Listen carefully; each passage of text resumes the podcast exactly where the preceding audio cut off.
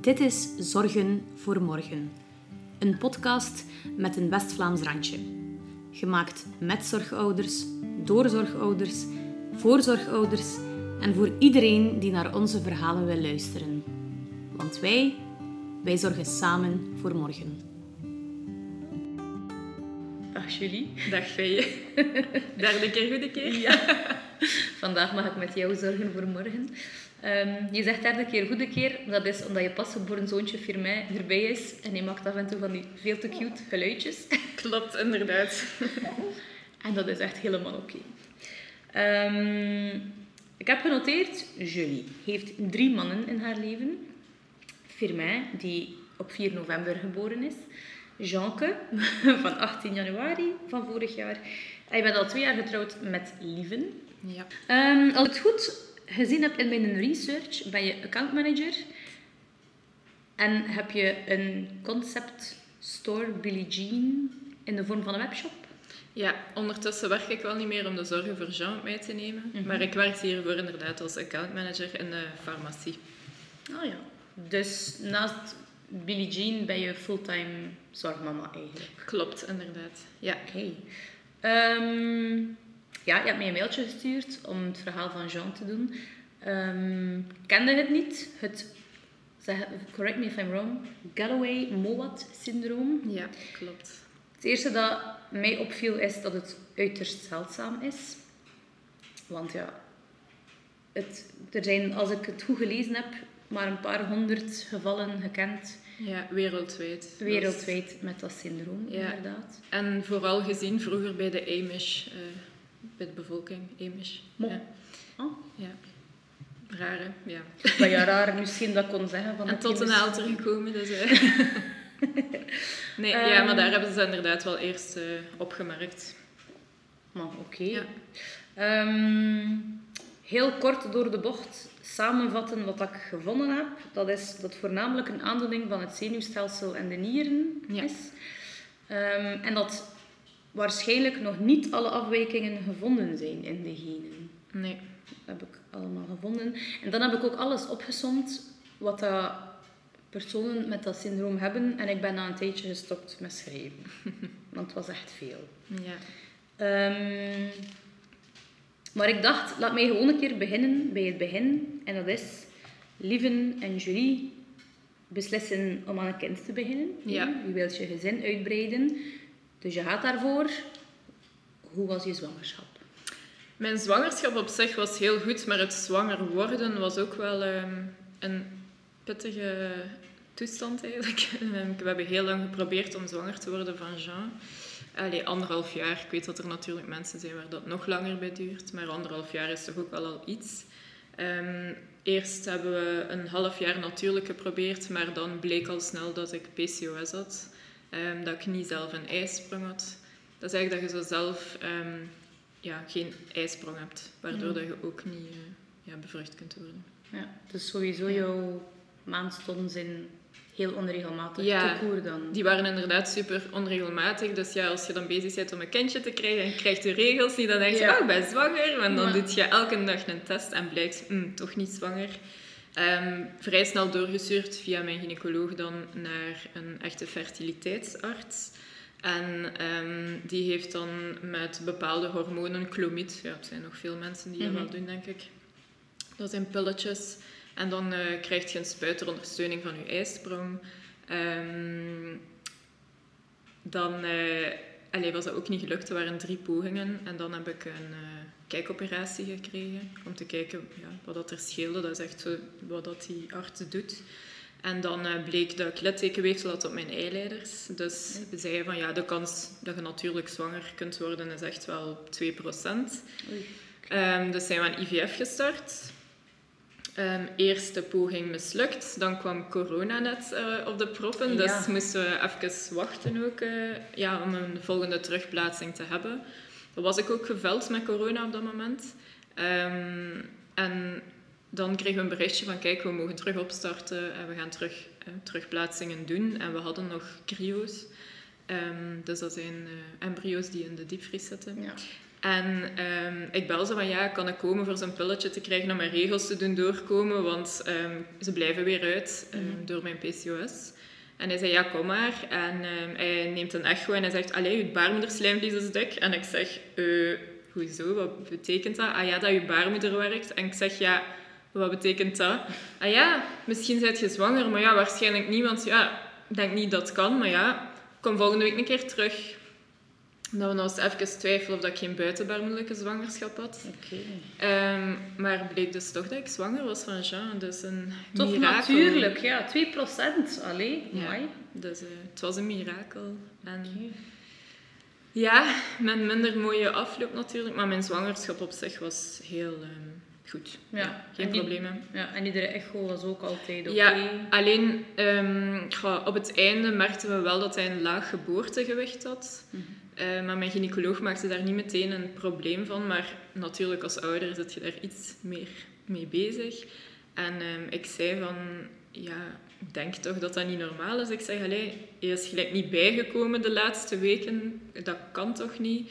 En dan zei ze van, ja, ik weet niet. Ja, ik zou mij daar geen zorgen over maken. Is misschien gewoon fijn. En, Mhm. maar toch vond ik dat een heel raar gevoel. En dan zei ze op 39 weken en 3 dagen van kijk, ik ga u inleiden. Dus we komen toen in het ziekenhuis. ehm, en het moment eigenlijk dat ze mij willen beginnen inleiden, doen ze eerst nog een check-up. En eh, brak mijn water. Dus is eigenlijk alles wel natuurlijk gekomen. Hebben ze mij Oh, niets moeten stimuleren. Maar ehm, wel natuurlijk met in het achterhoofd dat ik goed gemonitord moest worden, omdat hij wel echt een laag geboortegewicht had. Mhm. Ehm, maar op zich was die bevalling heel goed gegaan. Ja. En hij bleek ook wel heel ja, klein te zijn. En hij was 48 centimeter, dus niet abnormaal klein. Ja. Maar hij was wel maar 2 kilo 620.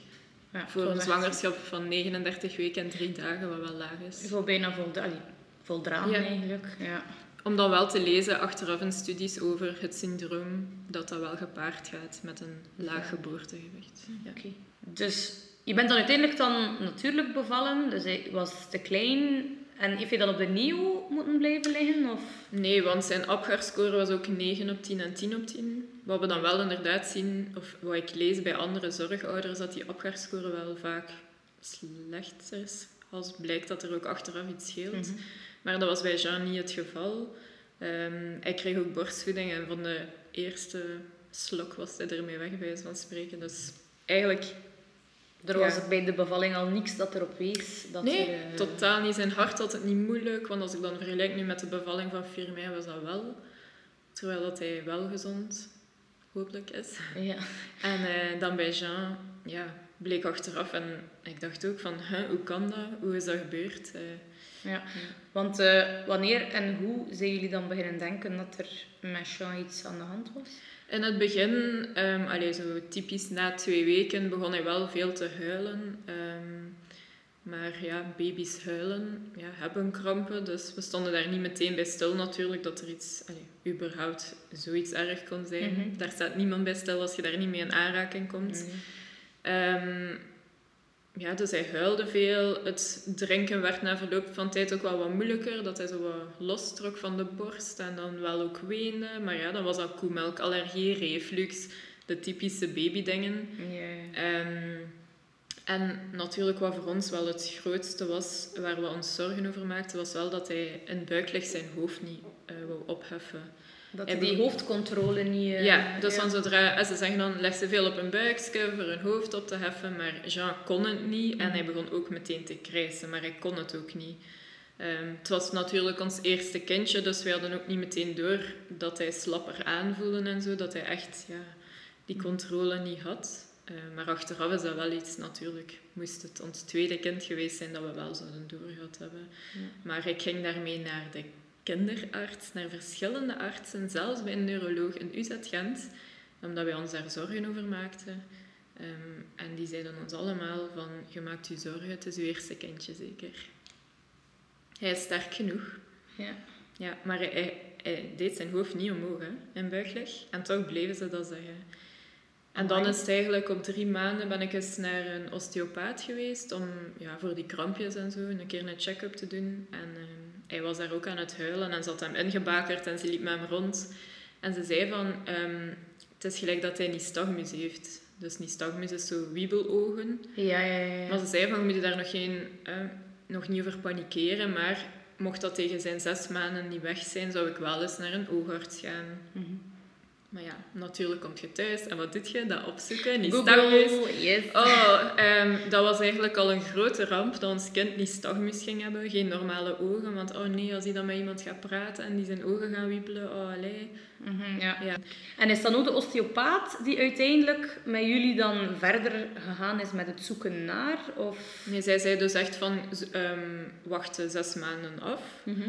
Ehm, maar natuurlijk, ik heb dat niet gedaan. Dus ik heb meteen contact opgenomen met mijn oogarts. En ik eh, begon mijzelf daar heel hard op te focussen, ook op die ogen natuurlijk. En dan toch van, tja, die kijkt gelijk toch niet echt naar mij. Tot daarvoor nooit doorhad. Ehm, we zijn dan naar een oogarts geweest en die zei ook, is het jullie eerste kindje? Ja. Ik, hij kijkt inderdaad soms eens scheel en hij heeft inderdaad een beetje nystagmus, maar oh, ja, dat kan zijn dat dat gewoon vertraagde maturiteit is van de ogen. Ja. Oké, ja, we gaan naar huis. Oké, we maken ons misschien zorgen. Maar ehm, hoe meer dat wij daar dan echt op begonnen te focussen natuurlijk. Dus twee weken later ben ik naar een andere oogarts geweest. Mhm. En die schoot dan eigenlijk in paniek. eh, van, Eigenlijk Ehm, helemaal tegenovergestelde van die andere oogarts. Oké. omdat hij een verticale nystagmus had, dus hij sloeg echt met zijn ogen dat ze zo echt wegdraaiden soms. Mhm. En dat kan ook vaak wijzen op een hersentumor. Dus zij dacht van, oké, dit moeten we echt gaan uitsluiten dat hij een hersentumor heeft. Ja, ja, oké. Ehm, en dat was net een verlengd weekend in november, denk ik. Ehm, ja. En dan ehm, ja, hebben ze een scan en MRI gedaan van zijn hersenen. Dus de eerste keer onder narcose. En dat breekt echt je hart als mama natuurlijk. Ja, hij is zo'n kleintje. Ik heb het ook meegemaakt. Hij is zo'n heel kleintje in slaap. En, Oh, ja, ik was er niet bij. Allee, mijn man heeft dat gedaan. Ik, eh, maar ik mocht er ook niet bij zijn, maar Ja. ik mocht hem dan wel gaan... brengen. Ja, nee, ach, we, moesten dus in de wachtkamer wachten. En terwijl hij wakker werd, mocht ik wel bij hem. Maar ja, al die draadjes. Hij was Ja. lijkbleek. Bleek, Hij lag daar ook zo. En ik dacht, oh, mijn baby. En zo half... Ja, als hij wakker wordt, is dat ook zo... Ja, je weet van de wereld niet, hè. Dus ja, dat is Ja. inderdaad zo'n kleintje. je Het begin breekt. van ehm, de rollercoaster, Ja. inderdaad. Dat was effectief voor jullie eigenlijk het begin, de MRI. Ja, want ehm, zij wou dat dan ook zo snel mogelijk, maar in UZ was er nog geen plaats. Uiteindelijk is dat dan naar Roeselaar doorgegaan. Want dat kan ook niet overal bij babytjes gedaan worden, omdat ze niet overal die narcose doen bij Ja. baby's. Ehm, natuurlijk, wij zijn daarvoor ook nog gegaan bij de neuroloog in het UZ, ehm, omdat hij toch nog een check moest doen om zeker te zijn dat het niet sneller moest gebeuren, die Mhm. scan. Ehm, maar hij zei van, ik denk niet dat dat super, super snel moet gebeuren. Dus we gaan het weekend, het verlengde weekend nog overbruggen en dan gaan we de scan Ja. doen. Maar natuurlijk, hij zei gewoon van zodra dat hij wel raar zou doen, ja, kom dan wel meteen naar spoed. Ja, als je zoiets hoort Ja. natuurlijk. Alle hens aan dek. Ja, een heel weekend zitten staren op hem van oei, doet hij raar. Wat dat hij natuurlijk al vaak raar deed. Mhm. Ehm, bon, de scan was gebeurd en dan uiteindelijk ehm, heeft onze huisarts eh, gebeld eh, naar de radioloog om meteen ja, de uitslag of verslag te krijgen van ja, wat scheelt er juist. Maar ze, ze hebben daar eigenlijk niets op gezien, op die MRI. Alles was goed. Ehm, dus ja, dat was weer afwachten dan, op dat moment. En dan? En dan... Ja, maar ik ben, ben vooral aan het denken nu van, oké, dus dat van die ogen was... Zijn ogen en het feit dat hij zijn hoofdje niet wou opheffen, waren echt jullie twee grootste alarmbellen op dat moment. Dus MRI-scan zie je hersentumor, dus dat van de oogarts kan je al schrappen. De artsen zeggen, ja, ik kan zijn hoofd niet omhoog doen, ja, ik zou me geen zorgen maken. Jouw moedergevoel zegt, er klopt iets niet. Wat was je volgende stap? Ja. Ehm, we hebben dan wel besloten om een ERG in te plannen. Dat ze echt gingen gaan kijken van oké, wat ziet hij juist? Dus dat is ook eh, Ja. onder bij de oogarts dan? Ja, bij de oogarts, maar dan in Leuven gingen ze dan echt kijken van oké, ehm, hoe zit het met eh, zijn kegeltjes, met zijn staafjes? En dan konden ze meer specifiek zeggen van oké, dit ziet hij of dit niet. Maar ook dat is moeilijk, van, ja, zolang ze geen jaar zijn, is dat heel moeilijk. Is dat zo'n beetje Ogen Ja. ontwikkelen ook nog, het eerste jaar. koffie te kijken. Ja, inderdaad. Dus dat was, ze zei wel van ja, ik ga niet helemaal zeker kunnen zeggen, want het is nog een volle ontwikkeling, maar het zal ons wel een beeld geven. En ehm, ja, de eerste keer dat de prof in Leuven hem zag, dacht zij dat hij ehm, albino was, omdat Jean heel bleek is. Ehm, en inderdaad dat niet goed ziet. Dus uh, zij zei dat dat haar eerste gevoel was van ja, albinisme. Um, ja, uiteindelijk is die ERG uitgevoerd en hebben ze gezien dat zijn staafjes niet werken. Dus in het donker bijvoorbeeld ziet hij niet. Hm. En dan enkele kegeltjes werken, maar heel minimaal. Dus eigenlijk is zijn zicht was op dat moment, ik denk 5%. Dus Jean ziet eigenlijk niet veel. Nee. Hij ziet wel contrasten um, en hij reageert heel fel op licht. Wat wel aan het is in de zomer, omdat hij echt niet tegen zonlicht kan. Ja. Um, maar voor de rest denk ik dat hij niet echt ziet, nee. nee.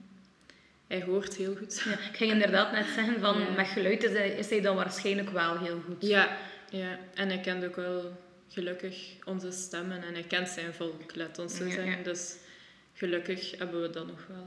Ja. Maar hij ziet niet, nee. nee. Wat ook natuurlijk in het begin was van, oké, ja, hij ziet niet goed, dus hij heeft geen trigger om zijn hoofd op te heffen.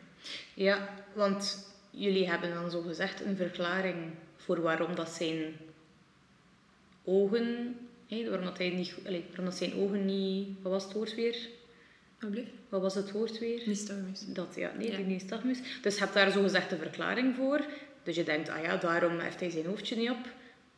En dan? Ja. Um, dan moet ik zeggen dat hij nog altijd wel heel vaak weende. En dat mijn man Lieven ooit zei van... Allee, ooit, een paar keer van, dat is toch niet normaal? Ik vind dat hij te veel weent. En ik zeg, ja, wat weten wij daar nu van? Um, ze hebben ons toch gezegd dat het normaal is? Ja. Het zal wel een huilbaby ja. zijn. Ja. Hij heeft hij last van zijn reflux? Of, hè? Ik zeg, ja, alle artsen zeggen tegen mij dat het oké is. Dus ja, wat kan ik nog meer doen? Um, dan waren we natuurlijk ook wel nog dat onderzoek aan het afwachten op het moment dat hij dat zei. En um, plots, um, hij was zes maanden, Jean. En uh, ik was alleen thuis met hem. Nee, eigenlijk drie dagen ervoor zaten we in de living en hij zat in zijn wippertje en plots deed hij zo wat raar. En we konden zijn aandacht niet trekken. En we zeggen zo, allee, hè, wat scheelt er? Maar na zo een paar minuutjes was dat over. Ja, ik dacht, we zitten zodanig nu in die molen van artsen en ziekenhuizen dat we ons te veel zorgen zijn aan het maken en te nauw ja, zitten te zoeken naar problemen.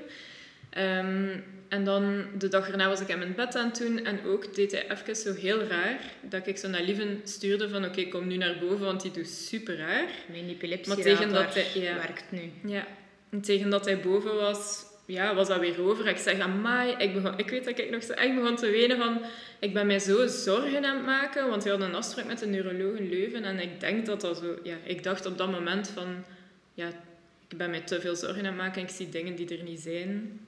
Want ik dacht ook niet aan epilepsie. Ja, ik was er ook niet mee gekend. Mhm. Maar ik dacht gewoon, hij doet raar. Um, en dan de volgende dag was ik toevallig alleen thuis. En um, ja, deed hij nog raarder.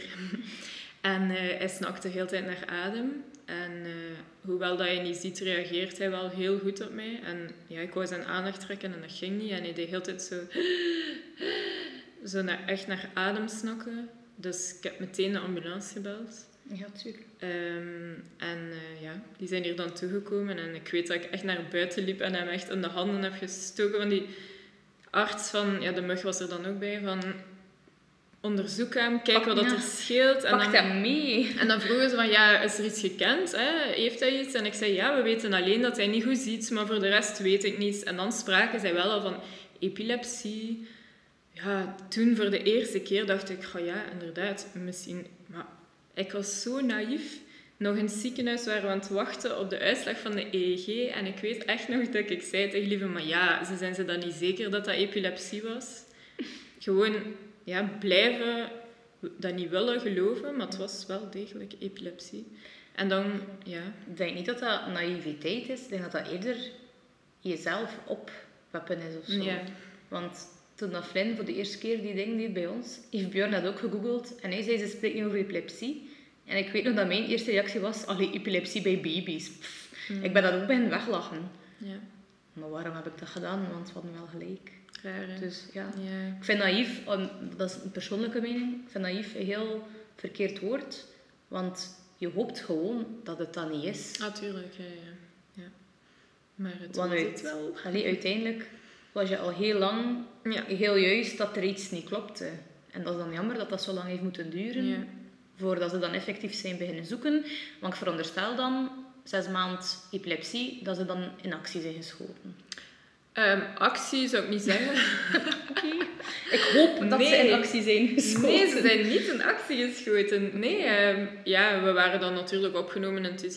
En ehm, dan komt de neuroloog binnen en hij zegt van ja, dat was epilepsie. Ehm, dus wij zeggen, oké, wat betekent dat? Ah ja, hij ziet niet en heeft epilepsie. Ja, hij heeft een genetische afwijking. Hè? Maar allee. 1 plus 1 is 2. En wij, wat blief? En dat, dat, was de dat was de boodschap. ja, en hij wil zijn hoofd niet opheffen. En, en ik, ik zei, ja, we hebben het al zo vaak aangehaald. En oké, ja. Dus ik zei, oké, wat gaan we doen? Wat kunnen we doen? Opereren, medicatie. Ja, ik kunnen... net zeggen, je hebt toch mijn hand op tafel geslagen van ga je nu een keer beginnen zoeken wat dat het probleem Zeker is? weten. Ja, allee. Want ik laat me zeker niet doen. Ja, maar dat Dus ik zei meteen van, oké, ja, ja, plan van aanpak, wat gaan we doen? Oeh, ja, we kunnen daar niets tegen doen, hè. Bloed Ja. trekken? Ja. Dat. Nee. Ja, dus ze zeiden wel van we gaan de genetische testen starten. Moesten jullie ooit nog een tweede kindje willen, dat we weten of jullie drager zijn, dat we weten wat dat jullie, ja, wat dat het is ook. Maar hij liet ook al meteen vallen van, van de meeste van die syndromen en wat dat hij dan op die leeftijd zag bij Jean en zo vroeg epilepsie wel vaak hetzelfde vertonen of zo. Dus hij zei van ja, we gaan dat kunnen opzoeken en we gaan er een naam aan kunnen geven, maar dan nog blijft dat voor ons ook moeilijk om te zeggen van dit gaat er gebeuren. Zo gaat hij ontwikkelen. Dat kunnen ze ons tot op de dag van vandaag nog niet zeggen. Of ja, we weten het ondertussen natuurlijk dat hij niet evolueert. Maar op dat moment, op zijn zes maanden, zei de neuroloog van wij kunnen u dat niet zeggen. We kunnen daar een naam gaan opplakken, maar voor mij is het al duidelijk dat het een heel zwaar geval is. Dat zei hij. Ja. Oké. En we kunnen de, alleen dat we er niets aan kunnen doen. Allemaal goed en wel, dokter, maar ik ben zijn mama. Ik Ja. zou graag weten hoe dat er mis is met mijn kind. Ja. Dat lijkt mij toch heel Ja. erg logisch. Dan zijn wij naar eh, Leuven gegaan. Ah ja, zij hebben daar wel een goed erfelijkheid. eh, Omdat daar de beste dokters zitten. En ook daar. Ik ging net zeggen, je zegt de beste dokters, maar ondertussen zie ik je gezicht niet matchen met de woorden die uit je mond komen. Dus je hebt daar geen Nee, nee, ervaring ja, jawel. Leuven is zeker een heel goed ziekenhuis. Maar ook daar, wij waren gewoon zodanig van... Oké, kom, we, we kunnen... De geneeskunde kan vandaag veel. Dat is ook iets wat je dan hoort van mensen rondom je. Oh, maar de geneeskunde kan vandaag veel. En dat is ook iets... Ja, we leven toch in een maatschappij waar de wetenschap echt op een hoog niveau staat. Die waren vooral strijdvaardig eigenlijk. Tuurlijk, ja. Je, je staat daar niet bij stil dat je kind, dat je gaat horen dat je kind moet afgeven en dat je gewoon machteloos aan de zijlijn moet toekijken. En eh, dan zijn we daar naar een neuroloog en met de neuroloog in Leuven gesproken en die zei ook van, kunnen wij daar niets aan doen? Maar je moet je niet zo aantrekken, want hij beseft dat minder dan jullie. ja. Omdat Lieven vroeg van, ja, gaat hij ooit iets kunnen? Gaat hij kunnen spreken of stappen? Of wat kunnen we verwachten? En dan zei die arts van, eh, oh meneer, daar zou ik allemaal niet over nadenken. Hè. Oké. Maar ja, amai. Ja. Ik ben echt niet veel sprakeloos, maar amai. Dat is niet echt de empathische manier, denk ik, om eh, met mensen om te gaan. Amai. ja. En is dat dan uit dat DNA-panel, dat syndroom gekomen dan? Want met dat dat zo uiterst zeldzaam is, is dat iets waar zij standaard op, op testen dan? Of? Gelukkig is het eruit gekomen.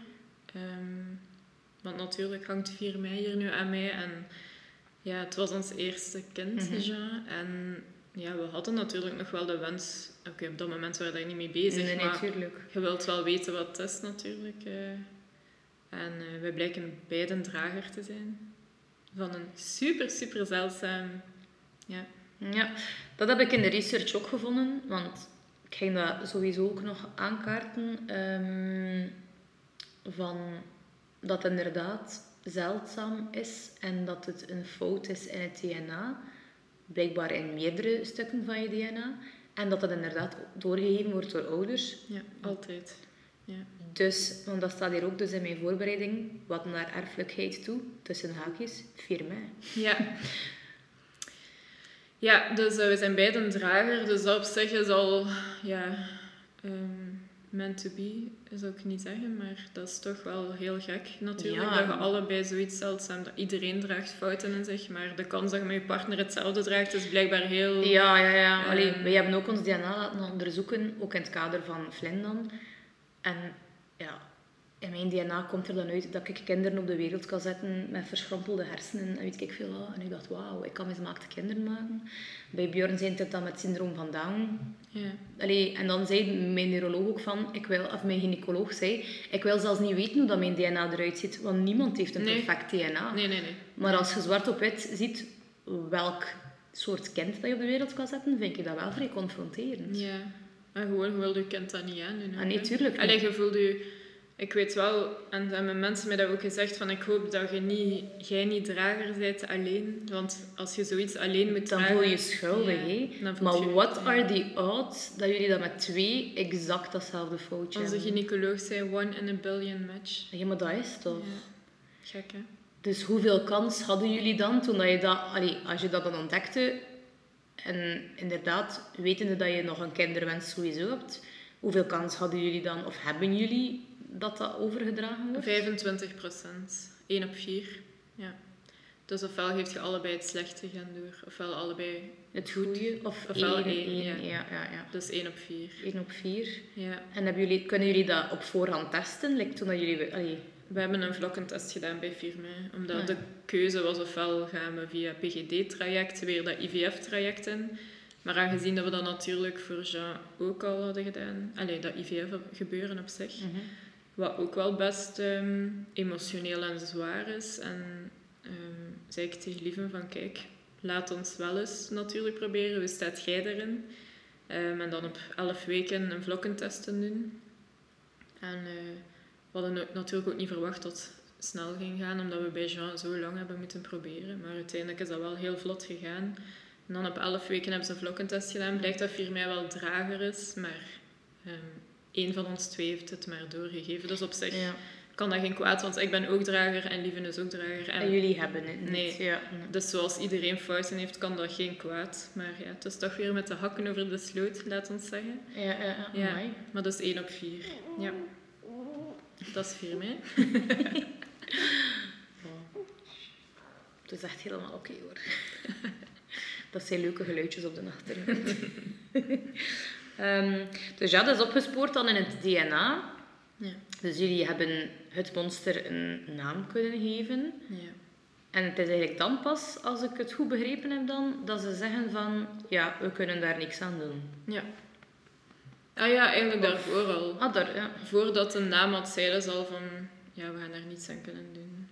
Maar dan voel je je als ouder toch enorm in de kou, of ja, in de steek gelaten door artsen. Ja, je begint te googelen en dan had ik een arts gevonden in Duitsland die zich daar enorm mee bezighoudt. Daarnaar gemaild, gebeld, maar krijgt geen antwoord. Krijgt die mensen gewoon niet te pakken.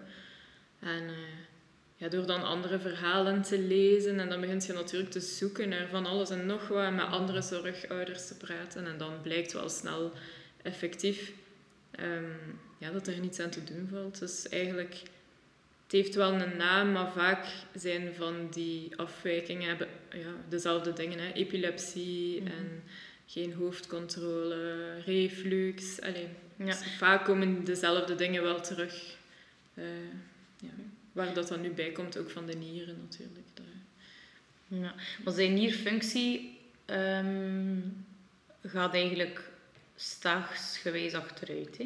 Op dat moment zijn zijn nieren nog perfect. Dus Ah, dat ja. gaat gewoon eigenlijk van de ene dag op de andere zijn. Ja, Dat, dat, ja dat dat gaat beginnen. Ja, dat hij nierfalen gaat krijgen.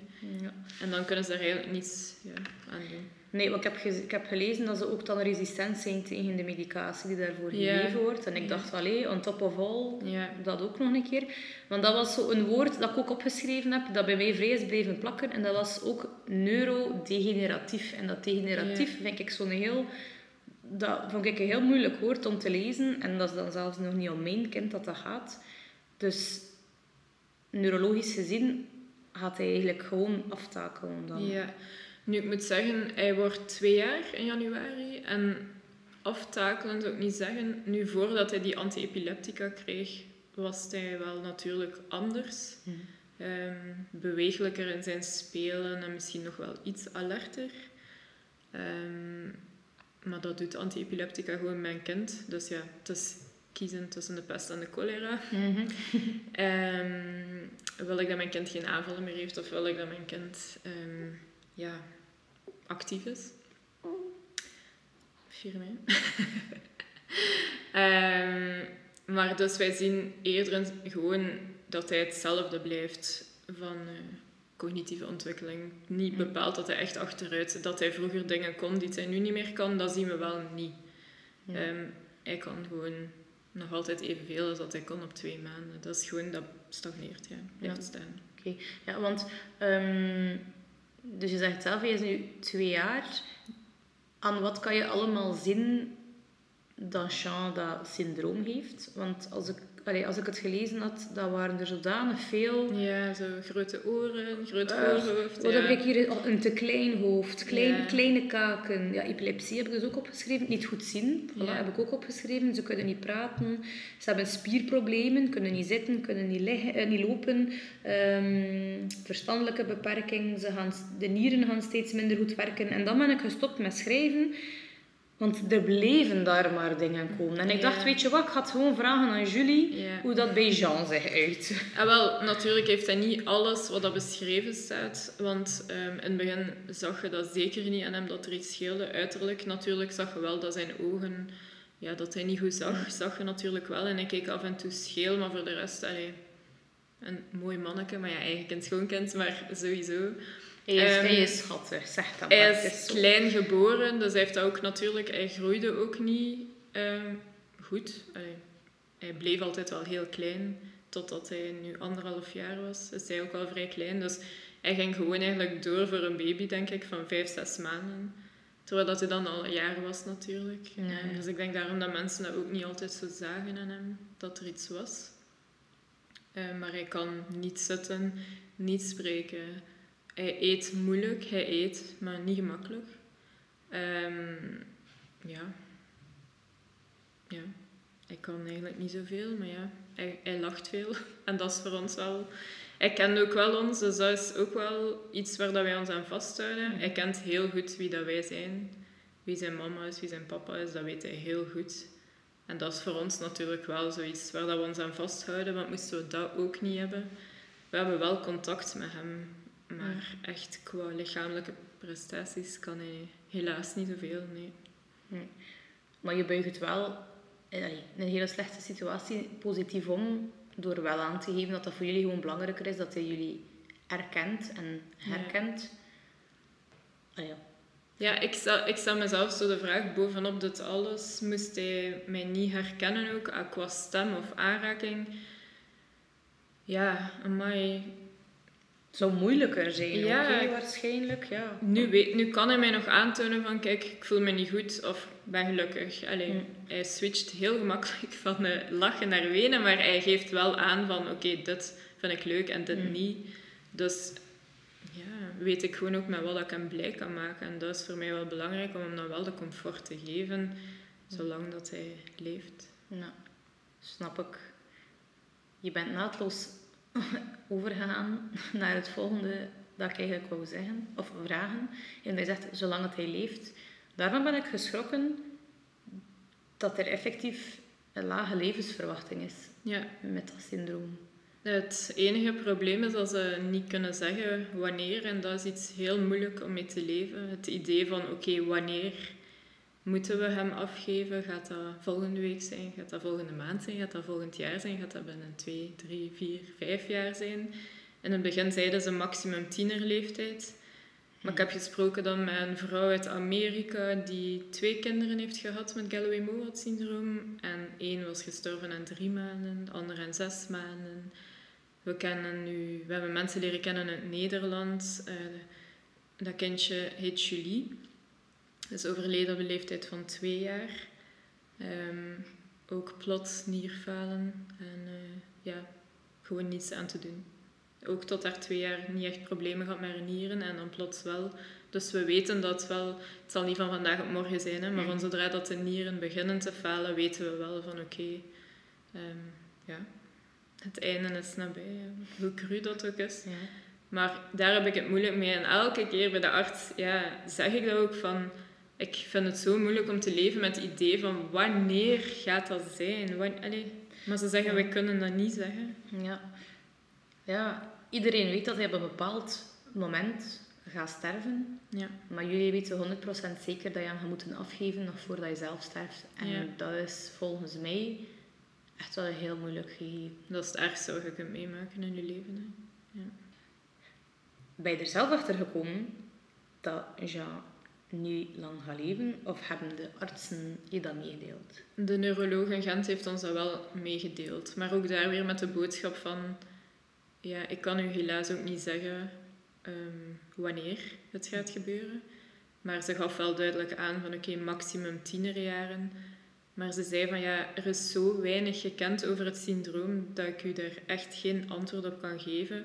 Maar ze zei wel, ze hebben allemaal een korte levensverwachting. Dus dat is wel iets ja, dat zeker is. Dat daar bestaat geen twijfel over, laat ons zo zeggen.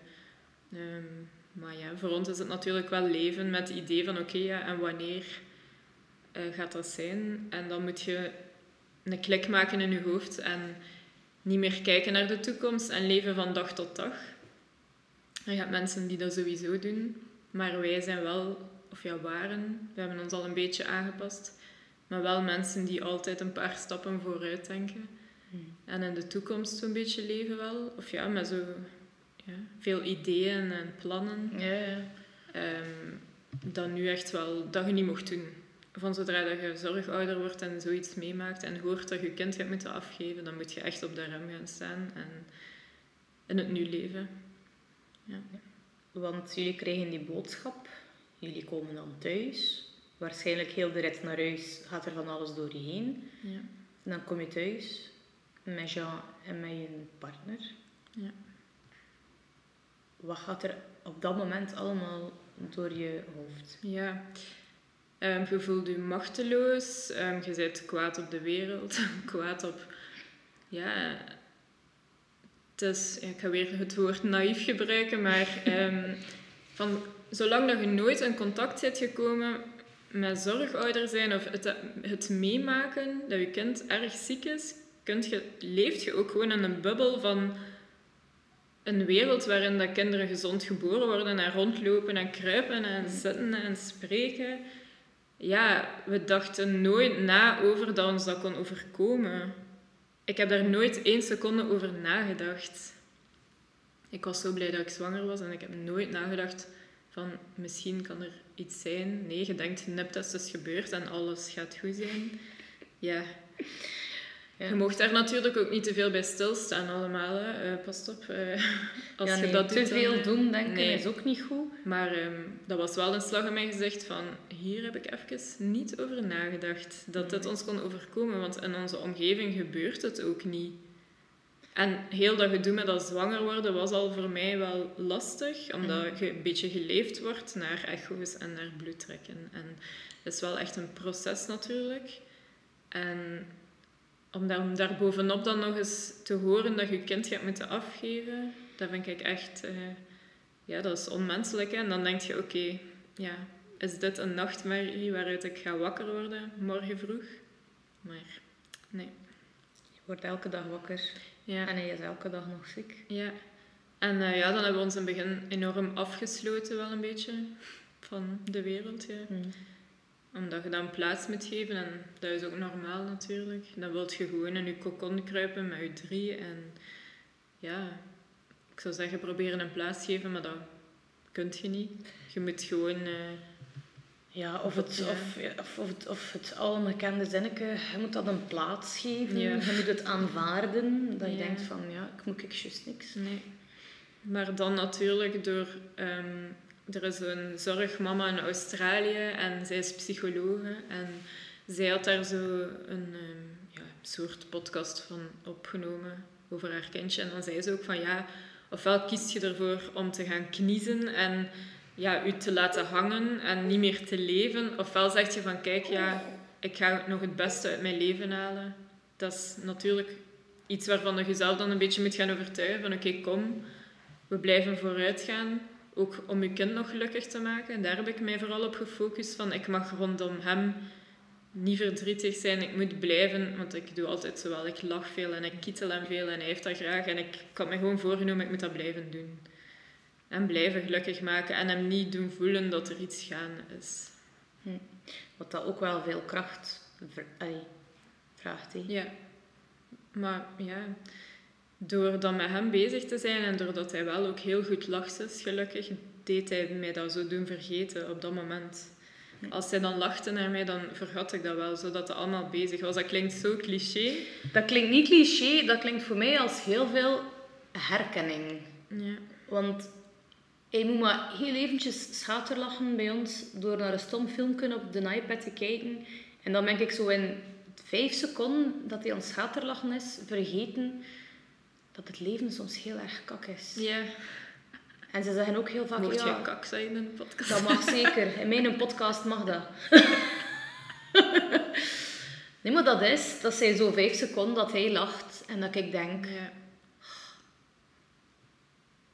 Het leven is niet eerlijk, maar voor deze momenten is het wel waarom dat ik elke dag blijf gaan. Ja, in het begin heeft ons dat wel er zo doorgetrokken.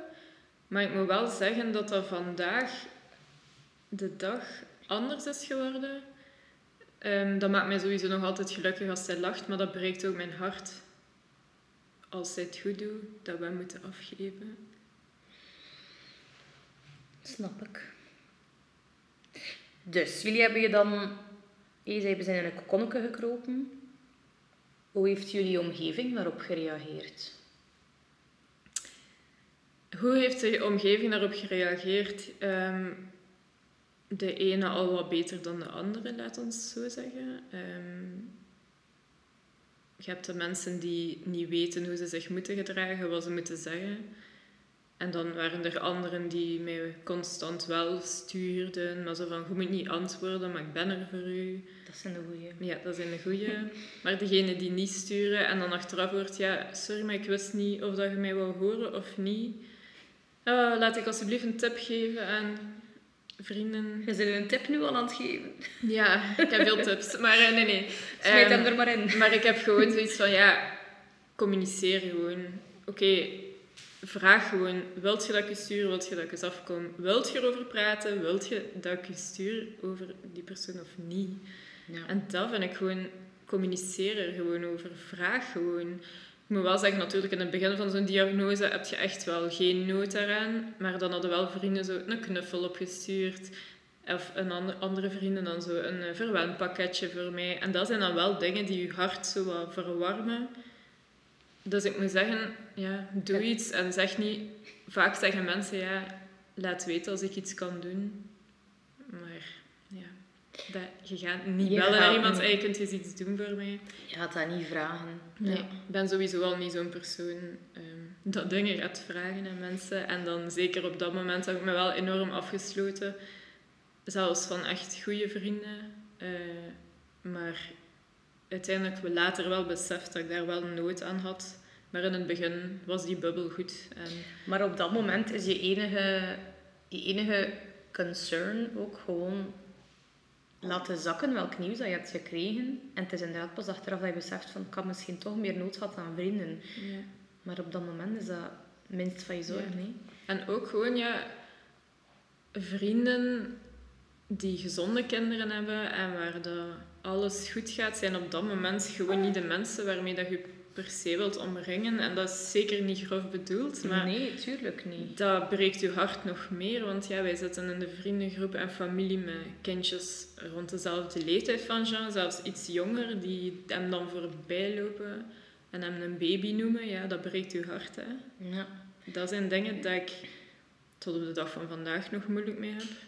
Dat is al gebeterd. Maar dat in het begin merkte ik, ja, ben ik echt dan op Instagram of sociale media met andere zorgouders gaan opzoeken en daarmee gebabbeld. En dat deed mij meer, laat me zeggen. Of, allee, gaf mij meer het gevoel van oké, je bent niet alleen. Want ook al zijn er vrienden en familie rond je, je voelt je alleen. En, Ja, en je voelt je ook wel gesterkt natuurlijk, als je met andere zorgouders praat. ja, Maar dat moet ook zakken.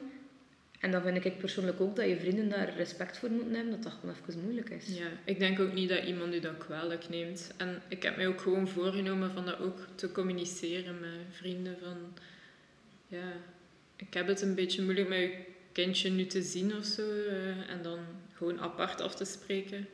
We hebben dat gedaan, omdat ik iemand ben dat overcompenseert. Dus in het begin zei ik van nee, nee, het zal wel lukken. Om dan de volgende dag wel mij zo slecht te voelen. Je moet ook soms een keer jezelf op de eerste plaats zetten. Ja. En ik ben gewoon iemand als ik dan... In het begin, hè. Nu is dat wel echt veel beter. Maar als ik dan bijvoorbeeld een kindje zag en dan daar heel veel aandacht aan geven en heel... Zo echt doen alsof er niets aan de hand Mhm. is, vrolijk, gelukkig. Om dan echt de volgende dag mij zo slecht te voelen. Ja, iedereen dat kinderen heeft, kan wel begrijpen. Allee, ik hoor soms, of vaak, van... Ja, ik kan me niet voorstellen wat dat je meemaakt. Maar dan denk ik, ja, je voelt toch de liefde voor je kind. En als je kind ziek is, dan... Allee, gezond. En een gezond kind dat gewoon ziek is, zwaar ziek of zo, Mhm. weet ik veel, een serieuze verkoudheid of RSV, dat breekt je hart ook, hè. Dan denk ik, stel je een keer voor dat je het nieuws krijgt dat je kind gaat doodgaan. Dus dan denk ik, als je een kind hebt, moet je daar toch wel in kunnen inleven. Dat is waar. Zo had ik het zelf nog niet bekeken. De ene eh, kan dat beter dan de andere, zeker. Nee. No.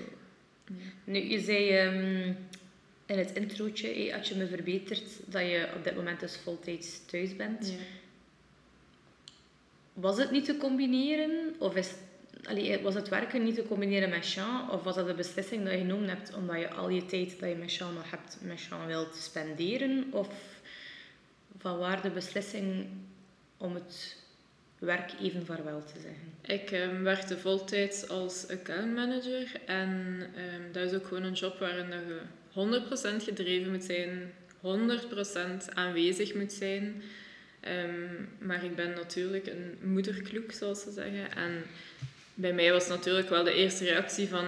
Ja, als hij niet ga- lang gaat leven, wil ik voor hem zorgen en wil ik er bij hem zijn. Plus, hij ging normaal naar de gewone crash gaan in september toen. Ehm, en we waren in augustus. En ja, we wisten ook van oké, die gaat er niet naartoe Mhm. kunnen. Dus we moeten aangepaste opvang zoeken. Dus dat was wel een heel gedoe van oké, hoe gaan we dit hier allemaal regelen om hem fulltime wel de zorg te kunnen geven. Nu, er waren nog niet zoveel zorgen op dat moment qua... Allee, op zich kon hij wel naar een reguliere crash, maar ja, met die epilepsie in ons achterhoofd gingen we dat niet Mhm. doen. Ehm, en dan heb ik van mijn werk eh, te horen gekregen dat ze mij een nieuwe regio wilden geven. Ik deed regio Oost-Vlaanderen. En eh, ze zeiden van, ja, kijk, er is regioherverdeling. We willen u vragen om regio Antwerpen te doen. En eh, ik zei, dat gaat niet. Met de zorgen met Jean, één. En twee, moest hij gezond zijn, ja, dat is ook te ver. En dan hebben we afscheid genomen. Ja. Voilà. Ehm, maar vandaag is natuurlijk de vraag van oké, oké, ik ben nu thuis, want ik ben lang uitbetaald geweest, maar eh, Jean gaat twee dagen naar het MPI in Bachte Maria Leerne. Ja, dat is een instelling. En ehm, ja, de vraag is natuurlijk, hoe kan ik ooit nog het werk hervatten? Wat ook wel belangrijk is om mijzelf ook eens weg te zijn. Ehm, maar ergens wil ik ook gewoon voor hem zorgen. En daar komt dan weer ook het ding van dat ik mij elke dag afvraag wanneer moet ik hem afgeven. Als ze mij kunnen zeggen, volgend jaar of binnen vijf jaar. Ik, ja, ik kan moeilijk plannen maken, precies hè, in mijn hoofd voor Mhm. mezelf, als ik dat niet weet of zo. Ja, ik zou niet willen dat, ik, dat hij binnen een paar maanden sterft en dat ik fulltime constant aan het werk ben geweest en niet met hem tijd heb kunnen spenderen. Zo met een schuldgevoel. Ja, dat is iets voor mij. Ja, schuldgevoel en gewoon, ja, gewoon iets. Je wilt voor je kind, ja, je wilt er zoveel mogelijk tijd mee doorbrengen. Natuurlijk. Maar ja, dan leven we in België waar dat eh, allemaal niet zo simpel is. Helaas. En, En ja, heb je wel afleiding met je webshop? Dat was in het begin wel echt een hele goede afleiding. Nu is dat soms wel wat moeilijk te combineren. Zeker met de kleine Fifi Ja. erbij. Fifi. Schattig? Beetje vrouwelijk, maar... maar ehm, ja, dat heeft mij wel de nodige afleiding gegeven die ik dan ook van thuis kon doen. Dus dat is wel leuk. Maar eh, ja, dan moet je wel opzoeken, dingen dat je afleiden ook. Eh allee, ik bedoel, toch wel buiten komen. En, Want wat doe je dan als afleiding? Omdat je zegt van eh, Jean is wel eh, twee dagen per week in een... eh, is het in een leefgroep dan? Dat hij, eh, Ja. Dus hij is twee dagen in een week in de leefgroep. ja. Is dat dan voor jou echt twee dagen dat hij ook opnieuw oplaat? Of... In het begin had ik het super moeilijk. Ik denk dat alle begeleidsters daar dat kunnen beamen. Ik ging hem altijd super laat brengen en echt super vroeg halen. Dus ze zeiden, zijt je er al? Ja, ik kon hem heel moeilijk achterlaten. Maar dan zag ik wel elke keer als ik hem ging halen dat hij daar gewoon echt gelukkig was. En Jean toont echt wel van, ik heb een goede dag gehad. Of ik heb een slechte dag gehad. Dus ik zie dat echt meteen aan hem. En hij was eigenlijk meestal gelukkig als ik hem ging halen. Nu, ik moet wel zeggen, als je hem gaat halen en hij begint zo super hard te lachen en zo van, ah, je zijt hier, dan breekt je hart ook wel van, oh, arme, sorry dat ik je heb achtergelaten. Maar ja, hè, moeders en hun hormonen. Soms is hij ook gewoon blij van je te zien en heeft Ja. je daarom geen slechte dag gehad. Ja, ik weet het. Maar ja, dat ze dan direct zeggen, oeh, hier lacht hij niet zo, zelfs bij Alleen Ah, dan denk je ja. zo, oh ja. Allee, en ook wel vaak wenend afzetten. Dat is vandaag ook wel nog soms een keer. ehm, ja, als ik hem dan pak, dat hij wel meteen wat rustiger wordt. Maar hij is daar eigenlijk echt super goed. En die mensen zien hem super graag.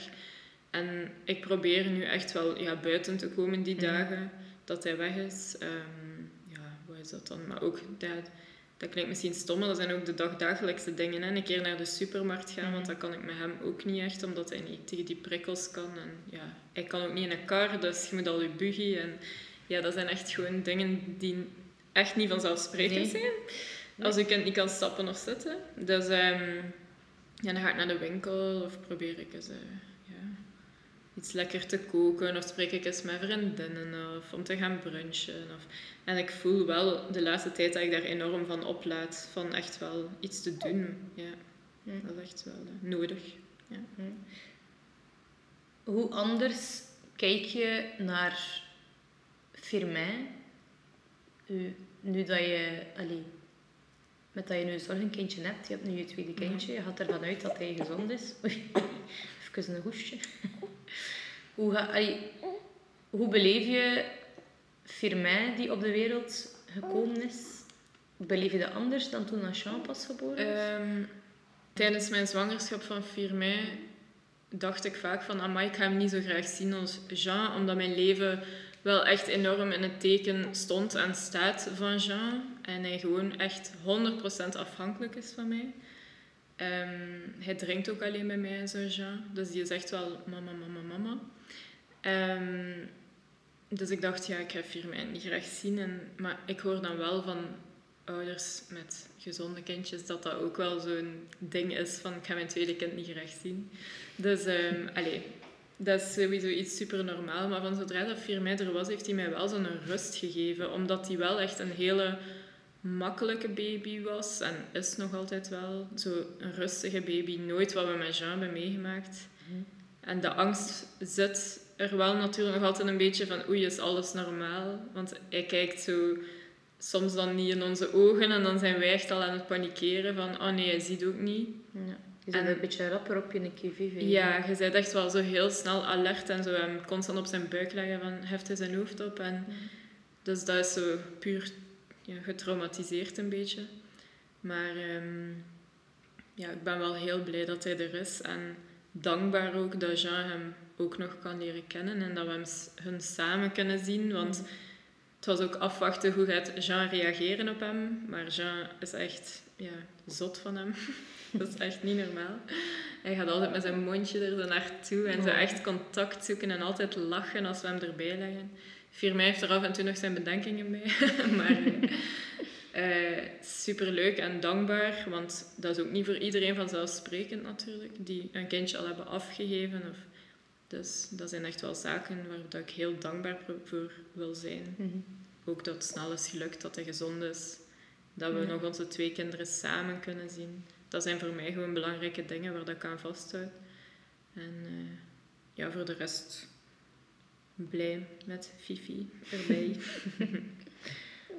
Wat heeft Jean zijn diagnose voor jullie relatie gedaan? Ja, dat was niet gemakkelijk, um, omdat sowieso als man en vrouw beleeft je de dingen anders of verwerkt je dingen anders. Mhm.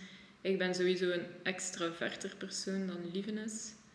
Um, dus ik ben iemand die ook veel moet ventileren, daarover spreken. Maar op zich vonden we daar dan wel heel goed een balans in, aangezien dat ik hem dan wel deed um, spreken daarover. En ik voelde ook wel dat hij bij mij troost zocht of wel communiceerde met mij. Um, dus dat geeft dan wel een goed gevoel dat je als koppel daar zo'n balans in vindt en dat je wel voelt van oké, ik ben wel de persoon waar dat hij troost bij vindt en waar dat hij erover mee kan praten, want dat is ook niet evident. Je kunt dat niet met iedereen. Ehm, en zeker dan voor een introvert persoon is dat moeilijker.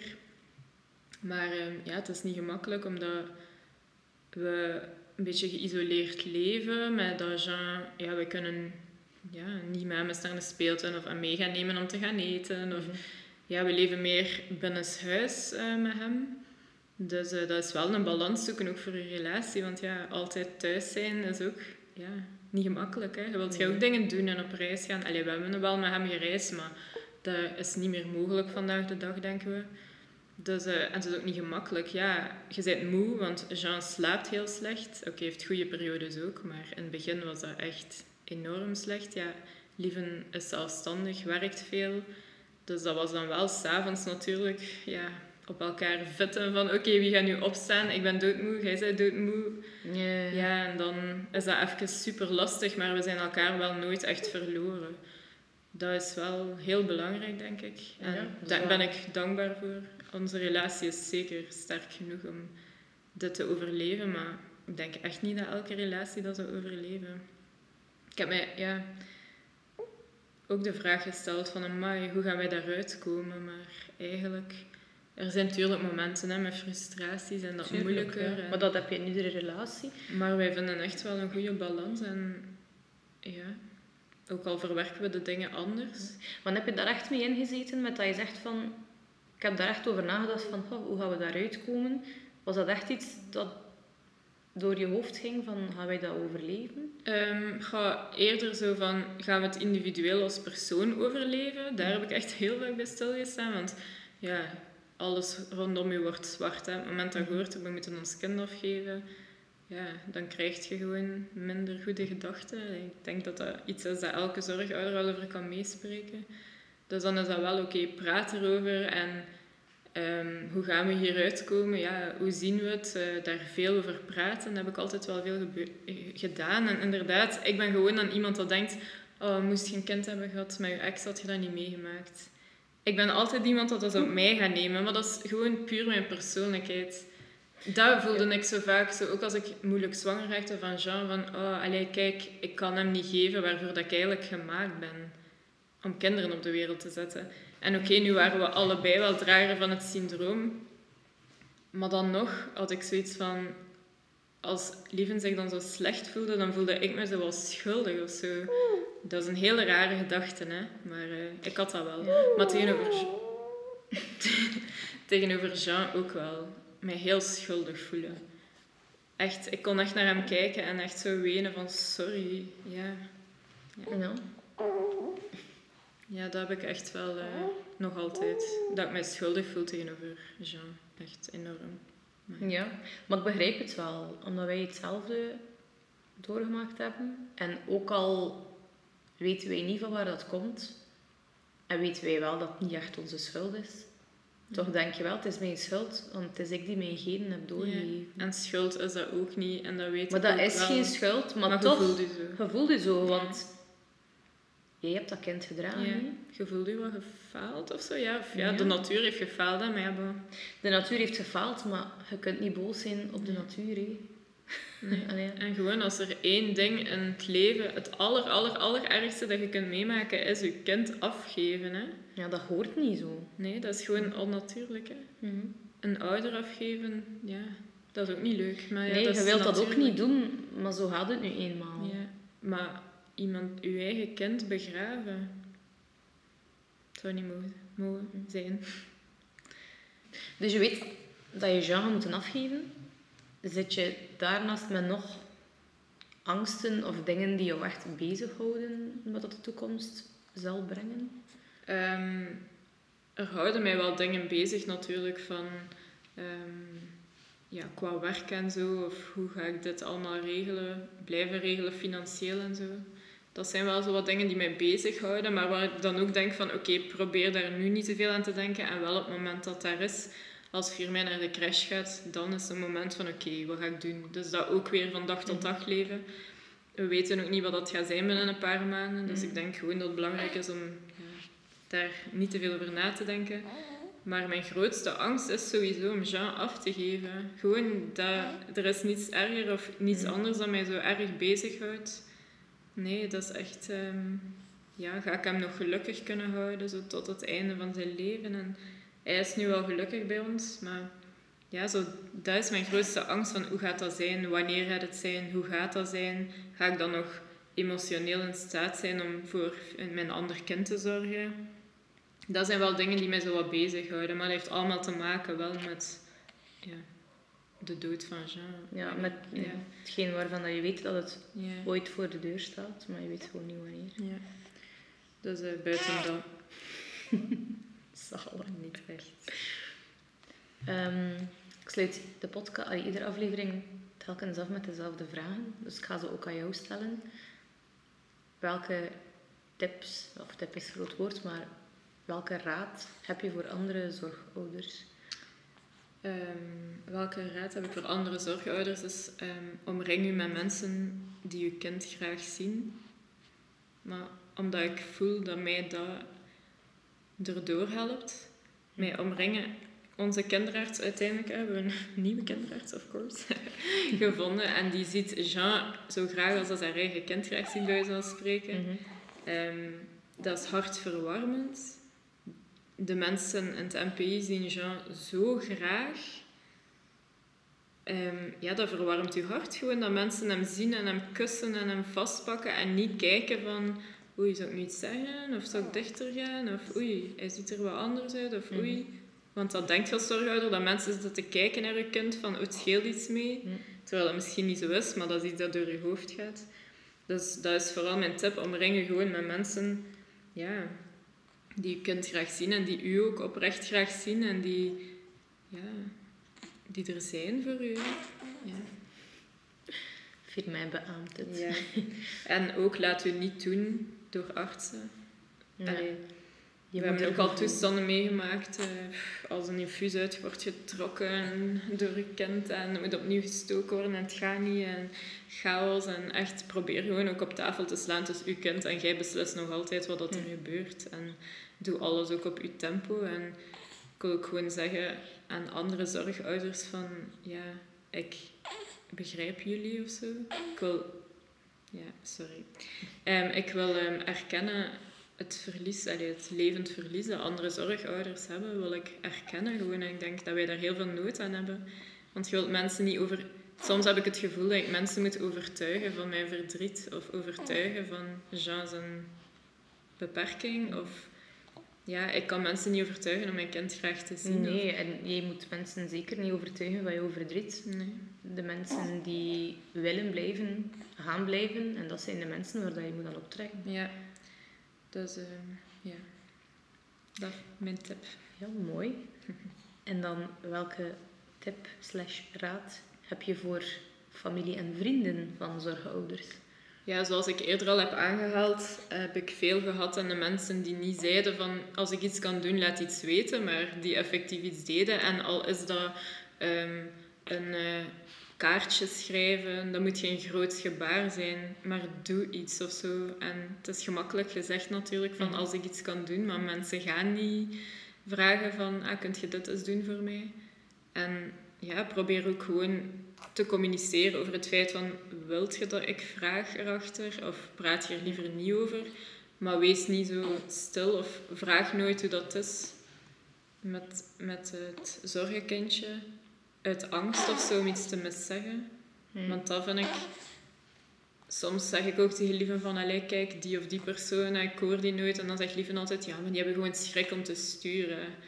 Maar ik vind persoonlijk, ja, ik kan daar niet goed mee om. Dan denk ik, ja, schrik, dat ze gewoon eens vragen, wilt je dat ik of niet?